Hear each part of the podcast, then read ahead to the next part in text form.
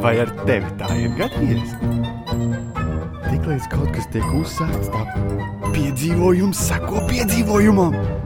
Kā tu cilvēki nekļūsi par piedzīvojumu meistaru, ja dīvainas situācijas pašas tevi atrod tik uz soļa? Bet viss nav tā, kā pirmajā brīdī izskatās. Radioteātris piedāvā Dzintara Tilaka romāns Piedzīvojumu meistari. Romāns par mums! Romāns vasaras garumā ar laimīgām beigām! Pirmais no 11 lasījumiem. Viena kāja zābakā bija pavisam slapja. Likās, ka zābaks pilns ar ūdeni. Atis, Atis steidzās ātrāk uz mājām, iegāja gaitenī un pirmo novilka slapjo zābaku. Ah, tā jau domāju, zole pārlūzusi. Tā tik man trūka gandrīz jauni zābaki, bet zole pa galam. Es taču gāju vienādi ar abām kājām, bet reņem un pārlūst. Mamma dusmosies, ka nevaru ar vienu zābaku pāri pat līdz siltajam laikam nostaigāt. Reāli nepaveicās. Atis iegāja vānas istabā un ar mātes matu fēnu žāvēja slapjo zābaku, tad rūpīgi tīrīja lūzuma vietu un salīmēja ar superlīmi. Paņēma kartona kasti, noplēsa tai vienu malu un no tās izgrieza pēdas formu, ielika zābakā, cerēdams, ka turpmāk mitrums līdz kājai netiks. Pārnākusi Ata mamma gaitenī uzmeta paviršu skatienu apaviem un pamanīja kartonu vienā no zābakiem. Istabā viņa ienāca ar cietušo zābaku rokās. Atis pamanījis viņu mazliet sarāvās. Nu, tu domā, ka līme turēs? Nevaino sevi. Paši nopirkām lētu zābakus, paši arī ciešam no savas taupības. Tādas zoles grūti lokās un bieži lūst, līme ilgi nenoturēs. Uzvelc pagaidām vecos, labi, tad jau kaut ko izdomāsim. Atis tomēr uz skolu iedams negribēja vilkt vecos, nodilušos zābakus. Un viņa salīmētais zābaks pagaidām no mitruma sargāja, jo vairāk tāpēc, ka Atis centās apiet kūstošās sniega peļķes. Kādu dienu izkāpis no skolas autobusa, kad viņš jau nogriezās uz māju ceļa, pamanīja sudrabotu BMW mašīnu, kas bija pagalam iegrimusi dubļos ar aizmugures riteni. Vadītājs spieda uz gāzi, dūmi griezās, ritenis izmisīgi buksēja dubļos un šķieda tos pāris metru attālumā. Bet izkļūt nevarēja. Vadītājs atvēra durvis, paskatījās un kaut ko dusmīgi nokliedza. Mašīnā viņš nebija viens. Līdzbraucējs bija puisis apmēram ata vecumā. Atis pienāca tuvāk un apstājās, jo viņam bija kaut kā jātiek garām uz šaurā ceļa, kur tagad slīpi stāvēja iegrimušais BMW. Arī paiet garām, neko nesakot, bija tā kā nērti. Varbūt es varu kaut kā palīdzēt. Tu palīdzēt, tev ir idejas? Varu no mājām atnest kārtīgu lāpstu. Te bez rakšanas nekas nebūs. Izklausās cerīgi. Arī akmeņus jāpameklē. Ja tas nelīdzēs, tad uh, būs jāpagaida kaimiņš ar traktoru, lai izvelk. Pēc piecām minūtēm Atis bija atpakaļ ar lāpstu un ķieģeli otrā rokā. Vadītājs tagad izkāpa no mašīnas un ar savām melnajām ādas kurpēm iegrima dubļos. Velns! Nu jau pat dubļos stiegu. Es pamēģināšu. Vajadzētu vienīgi vēl kaut kādus akmeņus pameklēt. Tepat pie grāvja jābūt. Vīrietis uzvalkā, paņēma no salona šāli, apmet ap kaklu un jau gribēja iet grāļa virzienā, bet panāca atpakaļ pie mašīnas un uzsauca salonā sēdošajam. Un ko tu sēdi? Uz tevi tas neatiecas. Tu domā, ka es dubļos kāpšu? Kā pārā un kaut ko dari. Pasažiera pusē lēnām atvērās durvis, un no mašīnas izrausās parādi garāks puisis, uzmanīgi nostājoties sausajā ceļa malā. Vajadzēja labāk to traktoru pagaidīt. Kaimiņš ar traktoru varētu būt mājās pēc kādas stundas, ja negadās vēl kāds darbs. Gaidīsim! Negaidīsim. Paldies, ka centies palīdzēt. No rākšanas atim jau bija karsti. Vienīgi liktenīgais zābaks neturēja dubļu mitrumu, un kreisā kāja jau bija nosalusi. Pēc minūtēm piecām izskatījās, ka dubļu lielākā daļa bija norakta nost. Atnes to ķieģeli, vairākus akmeņus un šķēmbas sablīvējis zem riteņa. Atis cerīgi novērtēja paveikto. Gods godam. Nu, tagad pamēģināsim. Svešais puisis Atim uzmeta izaicinošu smīnu un grasījās kāpt mašīnā, kad tēvs atturēja. Ar mani pastāvi vienmalā, kamēr es izkļūšu laukā. Mašīna ierūcās, pāris reizes iešūpojās turp, atpakaļ, turp, atpakaļ. Tad atkal ar jaunu sparu uzgulās uz akmeņiem un lēnām izslīdēja no dubļu lāmas. Pabraucis gabaliņu uz sausuma pusi, vadītājs apturēja mašīnu un nāca pie zēniem. Pa pirmo, saviem spēkiem un bez traktora. Paldies! Uz kurieni jūs braucat? Uz dzinavām! Tad jau iegriezāt neīstajā ceļā. Pa lielo ceļu vajadzēja vēl kādus 300 metrus uz priekšu un tad pa kreisi. Tur daudz normālāks ceļš, kas iet gar dzirnavām. Es jau te rudenī biju, laikam nokļūdījos. Nu, bet tur dzirdamās jau nekā nav. Ne logu, ne durvju, ne jumta, tikai sienas. Es zinu, es tās zinās nopirku. Tagad gribēju vēlreiz apskatīties un arī dēlam parādīt. Plānoju dzirdamās uzbūvēt moteli, restorānu. Žēl, ka tik skaisti akmens būvēt bojā. O, super! Te viss slēdz tikai ciet, bet jūs kaut ko jaunu atvērt. Es pat nevaru iedomāties, kā tur izskatītos. Vai negribat atnākt uz mājām, notīrīt dubļus, lai nav tādā skatā uz pilsētu jābrauc? Tēt, tas būtu labāk nekā pieķēpāt visu salonu. Atis gāja pa priekšu lepni un pārliecinoši, kā jau saimnieks. Lai gan pie katra soļa žļurkstēja slapjais zābaks, ne visu var salīmēt pat ar superlīmi. Skaļš pīkstiens telefonā izrāva ati no snaudas. Klases biedrs Krišjānis atsūtīja īsiņu. Ar matemātiku tiki galā, Vēl nē. atbildēja Atis. Varam apmainīties. Mana mopēda ādas sēdeklim vīle vaļā. Sataisīsi?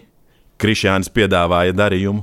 Ok, Atis padomāja un atbildēja. matemātika tūlīt, sēdeklis rīt.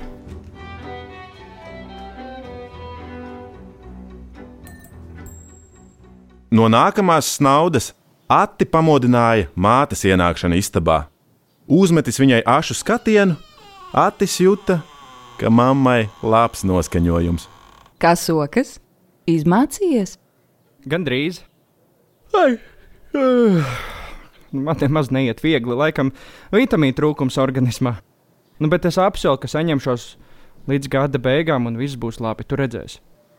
Bet, uh, vai tu dosi man raksturveida piekrišanu vasarā strādāt? Es pats gribu nopelnīt. Paskaties datorā. Bērnus vecumā no 13 gadiem var nodarbināt vieglā, bērna drošībai, veselībai, likumībai un attīstībai nekaitīgā darbā, ja viens no vecākiem vai aizbildnis ir devis rakstveida piekrišanu. Tādā, da. Ja bērns ir jaunāks par 15 gadiem, tad saskaņā ar likumu viņš drīkst būt nodarbināts 4 stundas dienā. Paskatīk! Jau izdomājis, ja? Jā, tu esi mans lielais, prātīgais vīrietis, bet tiec galā ar sekmēm, un tad padomāsim, ko darīt tālāk. Labi? Bet tagad saģērbies, aizbrauksim uz pilsētu, uz kafejnīcu, kaut ko nosvinēsim. Ko? Es sāku strādāt par grāmatvedi.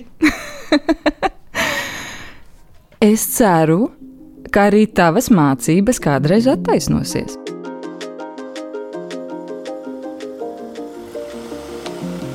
Izbraukuši ar māmas golfiņu uz ceļa, viņi jautri sarunājās par visām iecerēm gaidāmajai vasarai. Tad mamma pamāja ar galvu uz tālumā redzamo dzirnavu ēku.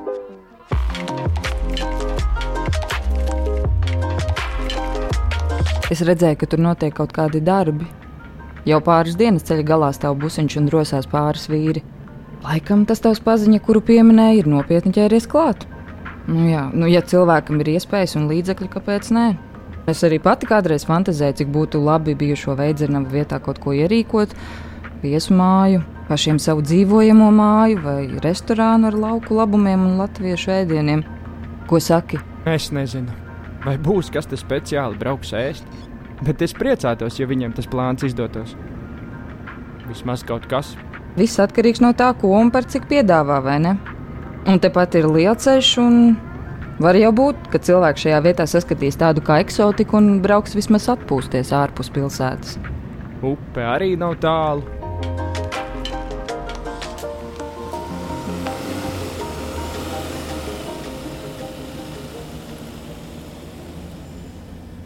Kādu dienu, braucot autobusā no skolas, Atis pamanīja pie dzirnavām pazīstamu sudraboto BMW. Aizgāja mājās, viņš paēda un tad saģērbies izgāja ārā. Viņam nedeva mieru ziņkāre un iespējamā atkal satikšanās ar tiem, kas rosījās pie dzirnavām. Nesteidzoties, Atis nogāja nepilnu puskilometru, līdz bija pienācis pie pašām dzirnavām. Pa gabalu viņš pazina mašīnas īpašnieku, kurš tagad sarunājās ar kādu citu vīru, stāvot pie mašīnas pārsaga, kur izklāta papīri. BMW vadītājs pamanīja tuvojošo sati, pasveicināja jau pa gabalu. Sveiks! Tu tas esi, es tevi atceros. Parunāsim vēlāk. Te kaut kur tūmā ir Armāns. Tikko pieminētais iznāca no dzirna vēkas, turot rokās baltu iPhone, to atkal paceļot un kaut ko fotografējot. Viņš pamanīja Ati, bet nenāca klāt. Atis paminstinājās brīdi un pats mazliet pietuvojās. Čau! Kā iet? Tā nekas. Atkal atbrauci līdzi? Jā, teicis, gribēja, lai visu safučēju. Logu ailes, durvju ailes, tos baļķus iekšpusē. Ā, nu pārsegumu, kas palicis. Ja? Jā, jā, to visu. Jā. Iestājās klusums. Armāns tēloja ļoti aizņemtu, vīrieši vēl apspriedās, un Atis, nospriedis, ka īpaši nav ko teikt, sāka attālināties. Kurā klasē mācīties? Septītajā. Es arī. Es domāju, ka tu astotajā vai devītajā. Tāpēc, ka garāks, Jā, arī garāks. Nu, manā klasē tik gara čaļa nav. mēs ar Sensu tagad esam vienā garumā. Viņš gribēja, lai es eju uz basīti.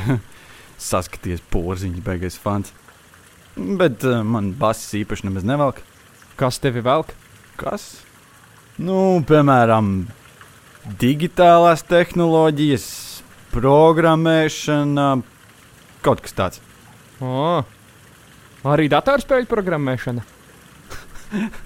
Nu, nē. Bet, uh, nē, nu, nopelnīt var labi, bet tā tāda bakstīšanās vairāk, un viss jau ir izdomāts un palielam ieviests, jo nāk no Japānas, Amerikas un iet pa visu pasauli. Te Latvijā nav vērts ar to krāpēties. Nu, vēl kaut ko varētu pasākt, varbūt ar droniem, bet kamēr mēs pabeigsim videni, viss jau būs nokavēts. Neviens uz tevi negaidīs, kamēr izaugs. Saproti? Jā, nu, jā, nu laikam tā ir. Un ko tu? Kas tevi velk? Mani? Nu, vispār jau amatniecība, tur visādi izgudrojumi un elektrotransports. Nopietni, ja? Amatniecība. Jā, es šo to protu pagatavot no ādas. Mana mamma gāja ādas apstrādes kursos, tad mākslas studijā. Un šādi tādi ņēma mani līdzi, kad biju sīgs un pamazām iepatikās. Zini, visi tie speciālie instrumenti. Nu, arī tas, ka varu jau šo to pagatavot. Nu, māma ar to pārstāja nodarboties, bet uh, es pats turpinu kaut ko darīt. Nu, vēl man patīk pielikt elektromotors pie visa kā. Piemēram, no bērnu ratiņiem es uztaisīju bagiju ar elektromotoru uz akumulātoru. Laikam, baigs smieklīgi izskatījās. Bērnu ratiņu ar motoru. Nē, nu, ne jau ratiņu ar to kulbu virsū, bet tikai pamats ar riteņiem. Saproti? Ok, pārliecināja. Un Galvenais, ka iet uz priekšu. Un man, man baigi vēl arī divings. Bet tā kā pašam nav aprīkojuma, tad pagaidām ņemos freedivingā. Teica, apsolīju šovasar diving tūru sarkanajā jūrā. Ja vien, ja es ar labiem rezultātiem pabeigšu mācību gadu. Oho, super interesanti. Bet uh, tas divings, tā ir niršana? Jā, jā, jā. Niršana ar akvalangu. Bet freedivings ir plaušu trenēšana, kad nirst bez akvalangu uz ilgu laiku. Skaidrs? À, cik ilgi tu vari aizturēt elpu? Gandrīz minūti. Nu, vairāk jau arī nevajag normālam nirienam. Nē, esmu jau pērļu zvejnieks. Oh, skatos, kā esat iepazinušies tuvāk. es nemaz nezinu, kā viņu sauc. Mani sauc Attis. Uh, es esmu Armāns tēvs Helmuts. Un paldies tev, Ats, par pagājušo reizi. Nu ko, atnāc apskatīties, kas te notiek? Es tik tā, nu, gāju garām, skatos, jūs te. Darbi jau sākušies? Mm, Drīz sāksies pa īstam. Vīri aizved grūžus, tagad tik jāķeras klāt. Līdz vasaras beigām jātiek galā. Tos vecās mājas pamatus redzi, kad pabeigsim ar dzirnavām, tad tur uz pamatiem uzbūvēsim dzīvojamo māju. Tad jau jūs mums dzīvosiet kaimiņos. Tētis grib uz laukiem. Man ir ļoti labi Rīgas dzīvoklī tēt. Dzīvosim, redzēsim. Līdz tam vēl jātiek. Kādam būs jāiemācās uzturēt dzīvokli, pirms viņš pie tā tiek. Tūlīt jau brauksiet prom? Jā, vajag kaut kur steidzami atrast metinātāju. Metinātāji. Ā, no šejienes kādus astoņus kilometrus vidiņos ir metinātājs. Nu, viņš tagad ir pensijā, bet viņam viss ir, lai to darītu. Viņš arī mums dārza sētas stabus metināju. Jāpaprasa mammai. Klavāt, tas būtu ļoti laipni no tavas puses, tu jau atkal mūs izglābtu. Glābējs, profesionāls. Tev, junior, kaut kas nepatīk, tu kaut ko teici. Nē, es, es, es, vienkārši- es tā arī domāju. Atim padodas izglābt dažādās situācijās. Tas ir viss. Jā, un es priecātos, ja mums abiem izdotos sadraudzēties ar Atu. Tad eh, nu, es iešu uzzināt par to metinātāju. Bet jūs iedodiet man telefonu numuru, lai varu aizsūtīt ziņu. Bija forši satikties un parunāt. Izskanēja Dzintara Tilaka romāna Piedzīvojumu meistari pirmais lasījums. Lomas ierunāja Attis, Agris Krapivņitskis, Armāns, Toms Veličko, Armanda tētis, Girts Alsters, Atta mamma, Inga Tropa. Piedzīvojumiem līdzi sekoja režisors Juris Jonelis, skaņu režisors Ivo Tauriņš un es Mārtiņš Počs. Radio lasījumu veidoja Laima Matuzāle, producente Māra Eglīte. Latvijas radioteātris 2020. gads.